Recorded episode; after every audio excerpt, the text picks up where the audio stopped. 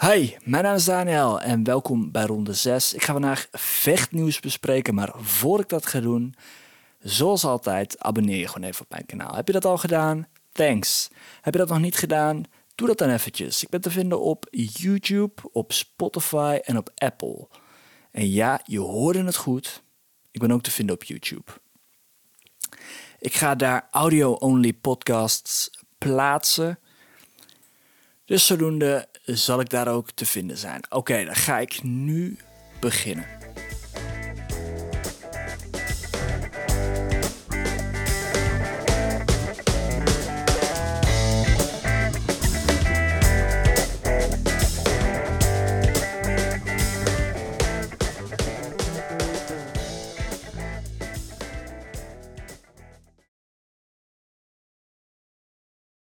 Oké, nieuwtje nummer 1.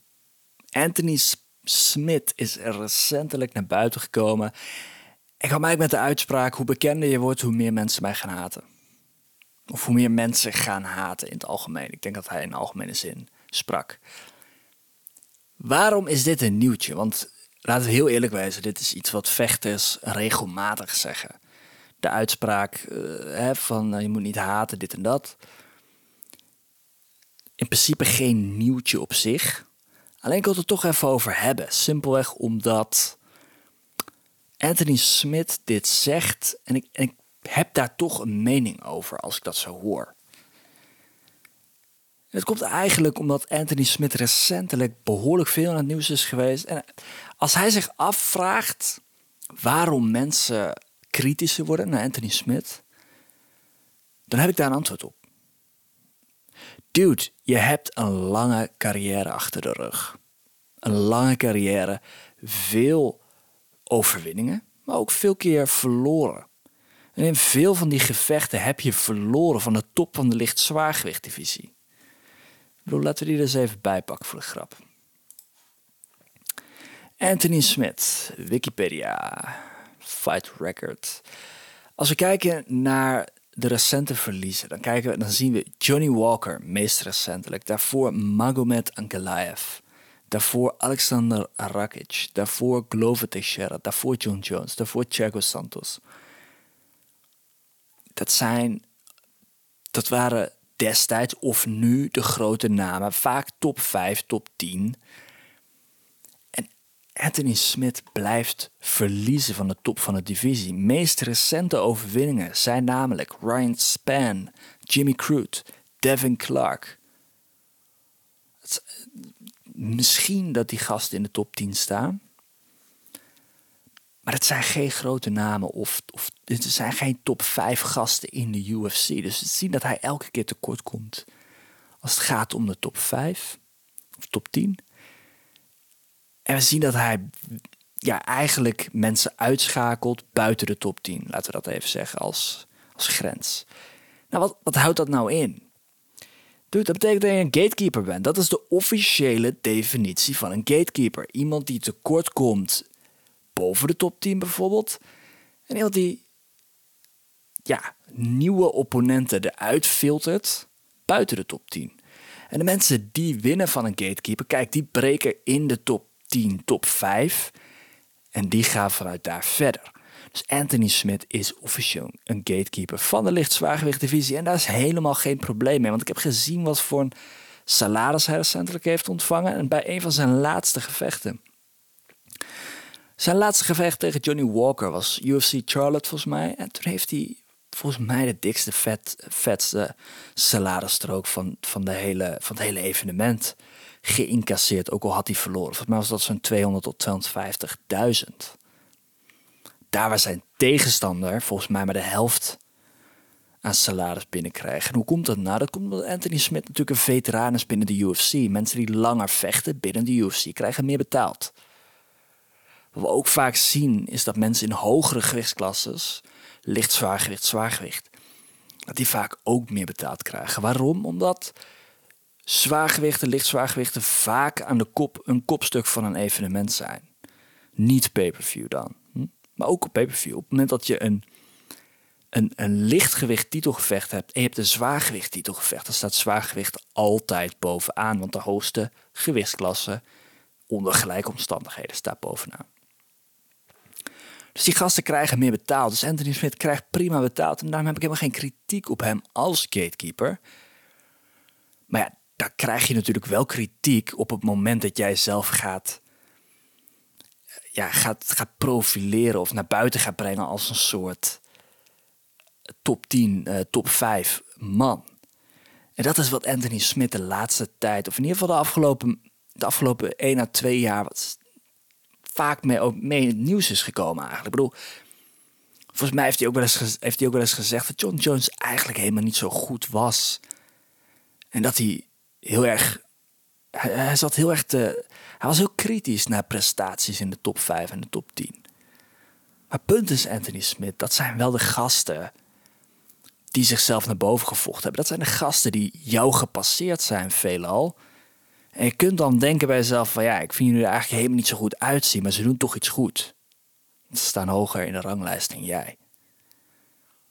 Dus volgens mij was hij ook kritisch naar Jamal Hill. Volgens mij was hij kritisch naar Jan Blakowicz. Eh, ik weet even niet meer precies. Ik heb, ik heb nog even opgezocht vandaan, maar ik kon niet echt heel veel voorbeelden vinden.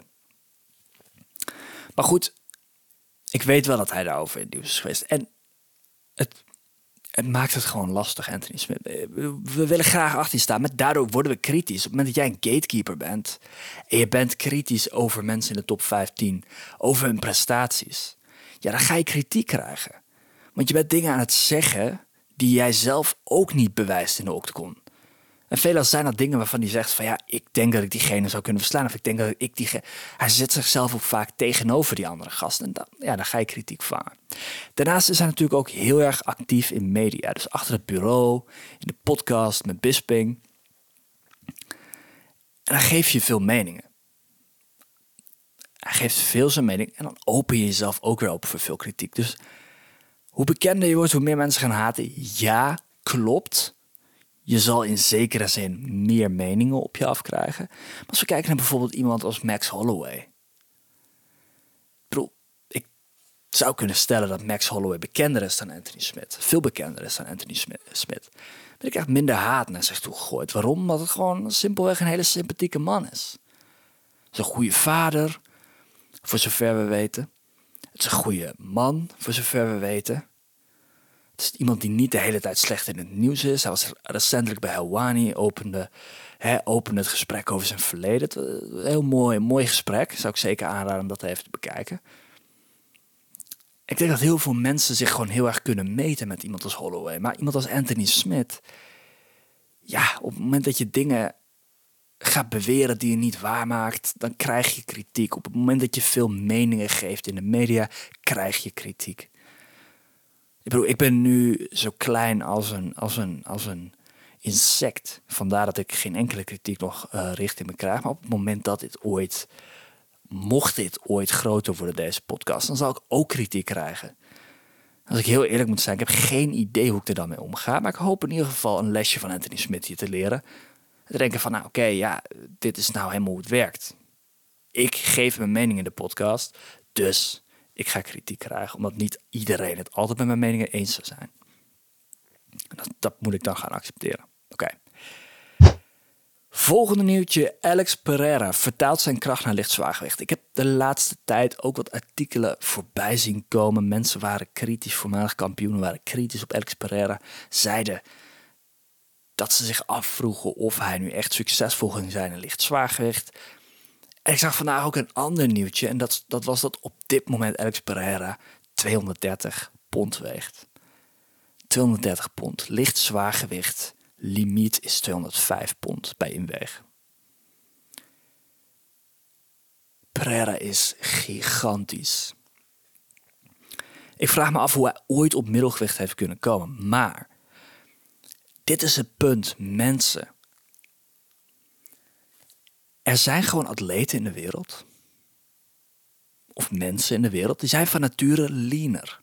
Die zijn van nature hebben minder, vet. Ik bedoel, iedereen kent wel Jantje om de blok, uh, om de hoek, die altijd graapmager is geweest. Uh, en, en hij zegt altijd, oh, ik kan eten wat ik wil en ik kom nooit aan, dit en dat. Sommige mensen hebben van nature minder eetlust, hebben meer moeite met aankomen. Eh, en dat is wat het is. Het is gewoon een genetisch dingetje. Daarnaast heb je atleten als Pereira waarschijnlijk. En die bezitten de toewijding om op gewicht te blijven. Die bezitten de toewijding om hele zware gewichtsverliesperiodes, hè, eh, afvalperiodes door te maken om op gewicht te komen. En ik denk dat iemand als Pereira enorm veel toewijding heeft aan dat proces. Waarom? Pereira is een atleet, nogmaals. En hij doet dit al, ik weet niet hoe lang. Sinds het begin van zijn kickboxcarrière. Dus mensen die zeggen, ah, ik weet niet hoe goed zijn kracht gaat vertalen naar licht zwaargewicht. Guys, luister. Ik ga even zijn record erbij halen, want dit is het bewijs dat Alex Pereira's kracht zeker vertaalt naar licht zwaargewicht. En dan heb ik het niet over die sparsessie die hij had met uh, Glover Teixeira, waarin je gewoon zag dat die man zeker niet tekort kwam tegenover voormalig licht zwaargewicht kampioen Glover Teixeira. Dus, maar daar heb ik het nog niet eens over. Hè? Ik heb het over zijn kickbox verleden. Ik heb het over zijn kickbox ehm, prestaties. Oké. Alex Pereira is natuurlijk een hele lange tijd middelgewichtkampioen geweest binnen Glory. Hm? Hij heeft in het verleden ook in kickboksen gewonnen van Adesanya. Twee keer. Eén keer uitgeschakeld, één keer een beslissing gewonnen. Oké. Na een lange carrière in middelgewicht is hij omhoog, is hij een gewichtsklasse omhoog gegaan. Volgens mij, als dit klopt wat hier staat. De eerste keer was dat Glory 65 in Utrecht. Toen won hij het interim lichtzwaargewicht kampioenschap van Glory. Daarin versloeg hij Jason Wilnes, een Nederlands, uh, voormalig Nederlands mixed martial artist en, kickboxer. Toen daarna heeft hij dus de, hè, de, de titelhouder Ertugrul Bayrak uitgedaagd voor het Glory Licht kampioenschap. En heeft hij van gewonnen. Volgens heeft hij die uh, verdedigd. Moet ik even kijken of ik dat wel goed zeg. Nee, hij heeft niet Hè, wat, wat verwarrend zeg. Oké, vergeet die naam in ieder geval. Hij heeft in ieder geval het interim lichtzwaargewicht kampioenschap gewonnen. En hij heeft uh, vervolgens dat interim goud heeft hij weten te, ja, zo gezegd weten te verzilveren. En heeft het lichtzwaargewicht kampioenschap van Glory ook gewonnen. Dus hoe heeft hij die gewonnen? Hoe heeft hij die lichtzwaargewicht titel gewonnen? middels een knockout, middels een vliegende knie. Damn it. Of, uh, en als dat eh, is hoe het hier beschreven staat, of een knockout een linkerhoek. Man, die kickbox records zijn echt zo verwarrend op Wikipedia.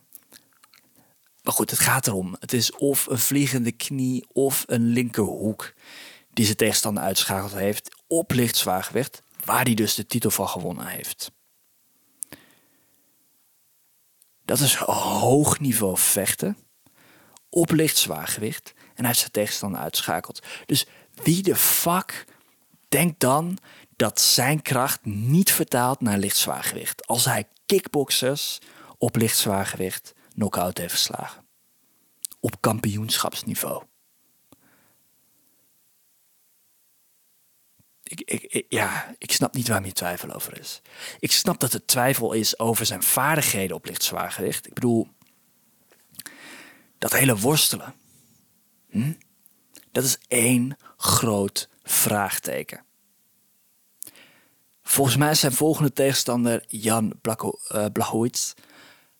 Jan Blachowicz heeft Adesanya naar de grond gehaald de laatste drie rondes, als ik me niet vergis, heeft op dat moment op die manier het gevecht gewonnen. Dus als hij hetzelfde kan doen bij Alex Pereira, dan pakt hij dat gevecht. En dan verliest Pereira Omdat zijn worstelvaardigheden tekortschieten. Simpel. Dat kun je jezelf afvragen. Maar kracht, kracht gaat geen punt zijn. Oké, dan gaan we naar het volgende nieuwtje. Is Volkanovski te veel bezig met zijn terugkeer naar lichtgewicht? En verkijkt hij zich op de uitdaging die voor hem staat? En dat is Jair Rodriguez. Ik heb natuurlijk de voorbeschouwing recentelijk geüpload. Ik hoop dat het enigszins informatief was. Ik hoop dat het informatie bood uh, aan mensen die ernaar op zoek waren. Ik, ik vind Volkanovski is een lastig iemand om in de categorie te plaatsen als uh, kampioenen die hun tegenstander onderschat. Ik denk dat Volkanovski te intelligent is als vechter om zijn tegenstander te onderschatten. Volkanovski heeft in het verleden vaker tegenover atleten gestaan waarbij de volgende stap al bekend was. Volgens mij in het, laatste gevecht met Holloway was al bekend dat hij mogelijk naar lichtgewicht zou gaan. En dat was zijn beste prestatie tegen Holloway tot, tot dusver. Ik, ik, ik, maar ja, dat gezegd te hebben, hij is de laatste tijd veel in de media, heeft het heel veel over een terugkeer naar lichtgewicht. En, terecht, want bijna alle medialeden vragen daarom, omdat hij zo competitief gevecht heeft gegeven aan Islam Makhachev, de huidige lichtgewichtkampioen. Dus tuurlijk, als heel veel medialeden daar, vragen, gaat hij daar antwoord op geven. Komen er heel veel nieuwtjes naar buiten en lijkt het alsof Volkanovski alleen maar spreekt over een terugkeer naar lichtgewicht. Maar het komt omdat dubbele kampioenen, omdat potentieel dubbele kampioenen, of in ieder geval al informatie over een dubbel kampioenschap, dat dat gewoon meer hits scoort dan een huidig kampioenschap in lichtgewicht. Of in uh, vedergewicht, sorry. Dus ik denk dat dat de reden is dat er gewoon veel nieuws naar buiten komt. Dus er wordt veel naar gevraagd. Ik denk dat mensen en ik denk dat wij als publiek ons daar ook een beetje schuldig maken, is dat we te veel bezig zijn met, oh, wat gaat hierna gebeuren? Of wat, wat kan er nog meer gebeuren? En dat moeten we allemaal maar gewoon zien. Dat, dat, dat is het punt. Ik, tuurlijk, ik ben heel nieuwsgierig naar Volkanovski op lichtgewicht. Hè? Maar damn, ik denk dat we als, op het moment dat wij als publiek alleen maar bezig zijn met zijn terugkeer naar lichtgewicht, dan denk ik dat we onderschatten hoe tof dit gevecht gaat worden. Want Volkanovski versus Rodriguez. Ik denk dat dat zomaar eens een top-top gevecht kan worden.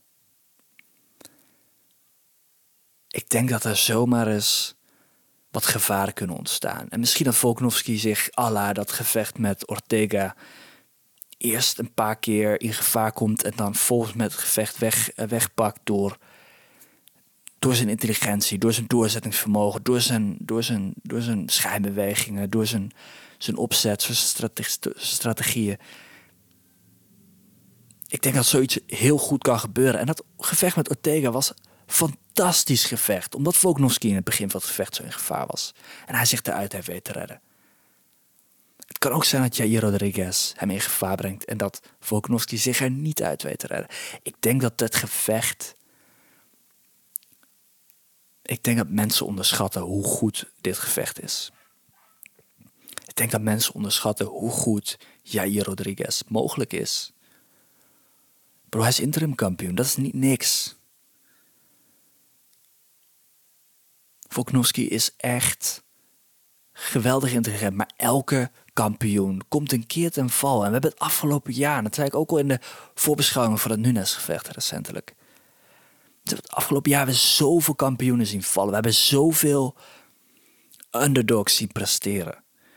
Misschien is ja, hier, hier wel de volgende underdog die zich gaat presteren. Ik, ik ben in ieder geval heel erg gefocust op het gevecht dat we hier zien. En ik ben eigenlijk helemaal nog niet bezig met Volkanovski versus Makachev. Maar goed, aan de andere kant, het is terecht, we zien het vaker. Kampioen is bezig met zijn loopbaan in plaats van de huidige taak voor zich. De loopbaan, zijn carrière geheel. Ik, dat, dat zien we vaker. Broer Oesman had ook plannen. Die zei, oh, ik ga naar licht zwaargewicht als ik dit gevecht van Edwards win. Nou, kijk wat er nu aan de hand is. Licht zwaargewicht van de tafel. Hij is bezig met de volgende stappen in zijn carrière. Als er nog volgende stappen zijn. Wat de fuck gaat Oesman nou nog doen? Hij heeft zijn titel verloren. Twee keer. Die rematch met Edwards. Ik vraag me af of dat erin zit. Ik vraag me af. Gaat hij naar middelgewicht? Braas Adesanya, een goede maat van hem. Dus Oesman zit echt in een... Zit echt in de problemen hier. En, en dat kan ook zomaar met Volkanovski gebeuren. wat als hij verliest van Rodriguez? Je krijgt hier een rematch. Wat is die dan, die dan weer verliest? Wat wat, dan is ineens die hele aura van... Oh, wat, gaat hij, wat kan die allemaal op lichtgewicht doen? Die is helemaal weg. Op het moment dat Volkanovski hier wint van Rodriguez... dan wordt het interessant te zien wat hij op lichtgewicht gaat doen. Gevechten tegen Chandler, gevechten tegen Poirier, gevechten tegen Gaethje. Dat zijn fantastische gevechten om te zien. En ik denk dat Volkanovski daar absoluut kans maakt. En ik denk dat echt Volkanovski versus Poirier, Volkanovski versus Chandler Volkanovski versus Gaethje is echt. Dat zijn echt drie. Dat zijn tegenstanders die, ah, die, die, die strijder en naar boven gaan halen. Echt waar. Oké. Fun fact: Aljo, uh, Aljamain Sterling, de huidige bantamgewichtkampioen, zit op dit moment eigenlijk in, een, in eenzelfde soort situatie als ik er nu over nadenk. Hij heeft O'Malley binnenkort tegenover zich staan, maar hij heeft eigenlijk al het over, oh, ik ga de vedergewichten, dit en dat. Wat gebeurt er als O'Malley wint? Wat gebeurt er dan met zijn plannen? Gaat hij dat doorzetten? Nou, dan weten we nu al geen titelgevecht voor Aljo. Ga je hem eerst omhoog vechten in, in de, in de vedergewicht top? Weet ook dat de UFC, ondanks het feit dat Dana White hem recentelijk een groene Lambo heeft gegeven, weet ook dat de UFC niet staat te springen om Aljamain Sterling als, als, als, als, als dubbelkampioen. Denk ik zeker niet. Sterling's mindset is namelijk heel erg: ik win mijn kampioenschap en ik ga weer aan de blessures werken. Ik ga ik weet niet hoe vaak hij gevochten heeft. Als hij dit jaar nog een keer zou vechten met O'Malley op korte termijn, nou, dan neem ik het terug. Maar de laatste jaren, we hebben Aljamain Sterling. Even kijken hoor, Aljamain. Aljamain Sterling. We hebben Aljamain Sterling volgens mij niet zo heel consistent zien vechten. Oké, twee keer 2022, Pierre-Jan TJ Dillashaw. Eén keer in 2021, één keer in 2020, één keer in 2019. Oké, dus in 2022 heeft hij twee keer gevochten, in 2023 mogelijk twee keer. Maar daarvoor, je mist de consistentie. En, wat we gewoon zien. En ik denk waar de UFC heel bang voor is, dat ze een dubbele kampioen krijgt die zijn titels gewoon niet verdedigt. En dat ze constant interim titels gaan maken. Dus Aljamain Sterling zit ook in een lastige situatie daar. Als hij verliest. Als hij wint, gaat hij ontzettend veel geld verdienen. Oké. Laatste topic. Nee, één laatste topic.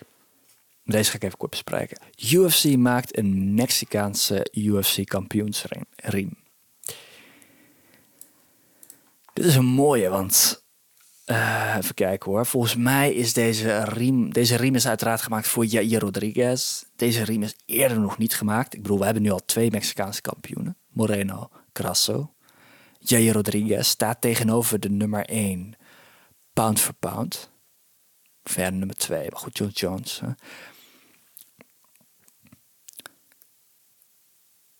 Dit is, ook al heb ik net even dat gevecht opgehyped als, als iets wat competitief, maar dit gevecht, ik denk als we kijken naar uh, Volkanovski, Rodriguez, uh, odds.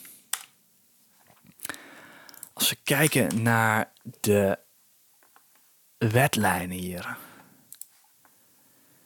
Alexander Volkanovski is. Ah, wat irritant dat ze dat nou op die manier laten zien. Zeg. Ik wil gewoon even een plus zien. Min 400. Dat betekent dat je 400 euro moet inleggen om 100 euro te winnen. Dat betekent dus dat Volkanovski een absolute favoriet is. En ik vraag me gewoon af waarom de UFC een Mexicaanse riem maakt. Alsof het een gegeven is dat Rodriguez hier gaat winnen. Dat is absoluut niet waar.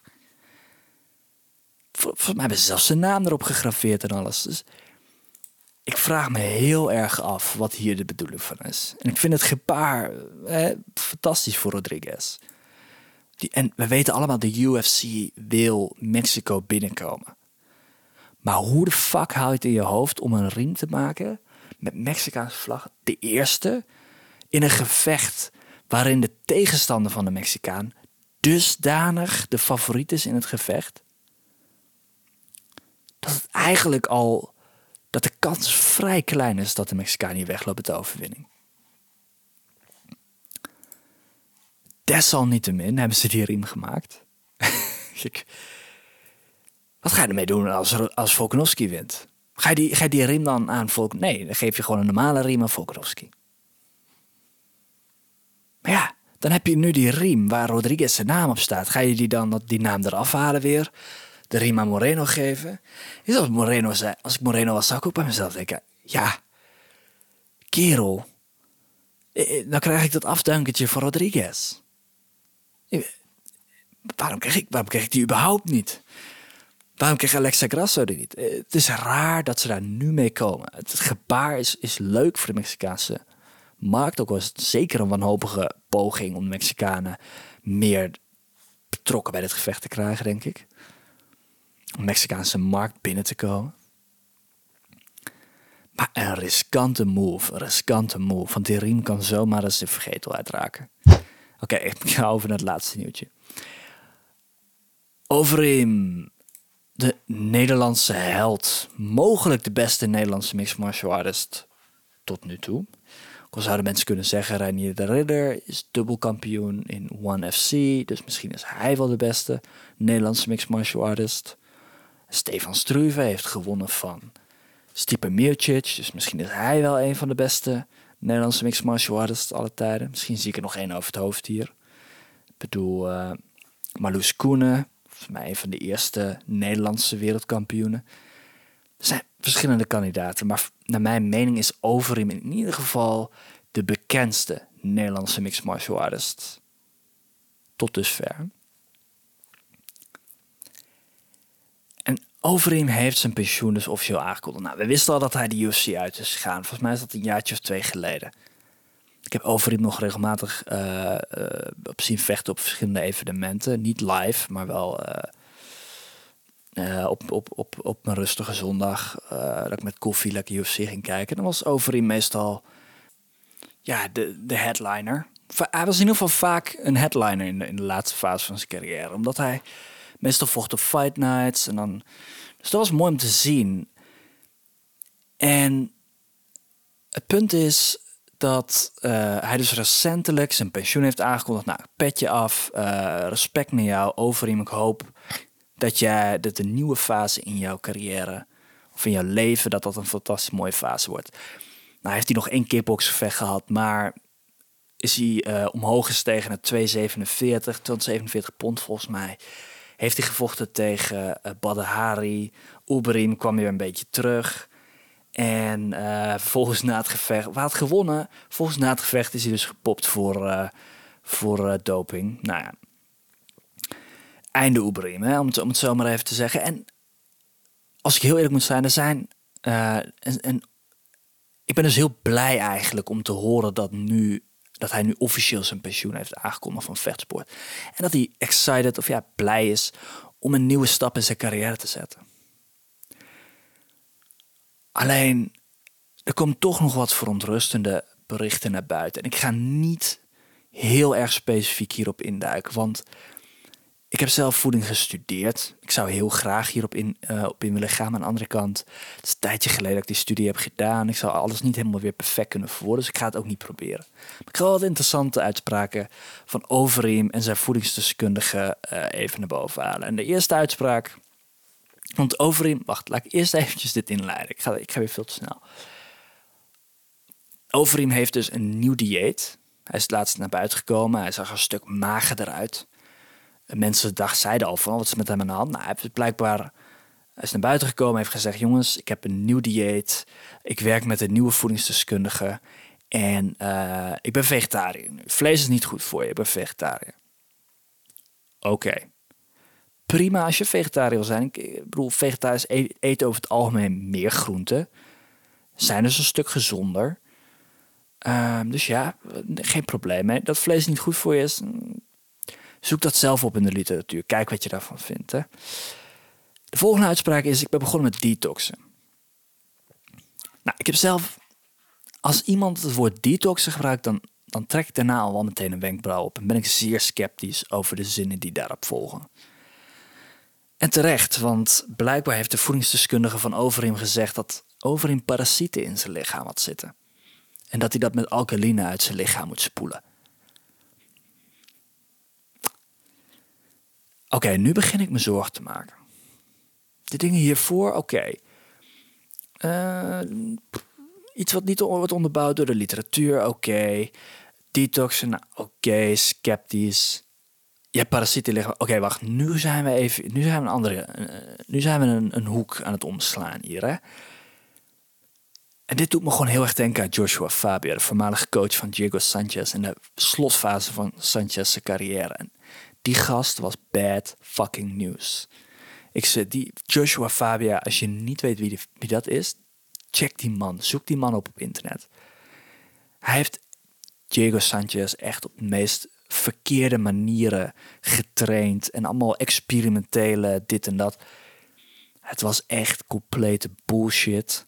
Diego Sanchez heeft uiteindelijk afstand genomen van Joshua Fabia is naar buiten gekomen. Oké jongens, het was een probleem. Met Joshua Fabia was gewoon echt één grote oplichterij. En wanneer de voedingsdeskundige van Overeem zegt, had parasieten in je lichaam zitten, heel eerlijk, ik voel een klein beetje hetzelfde aankomen. En wat is dat dan precies?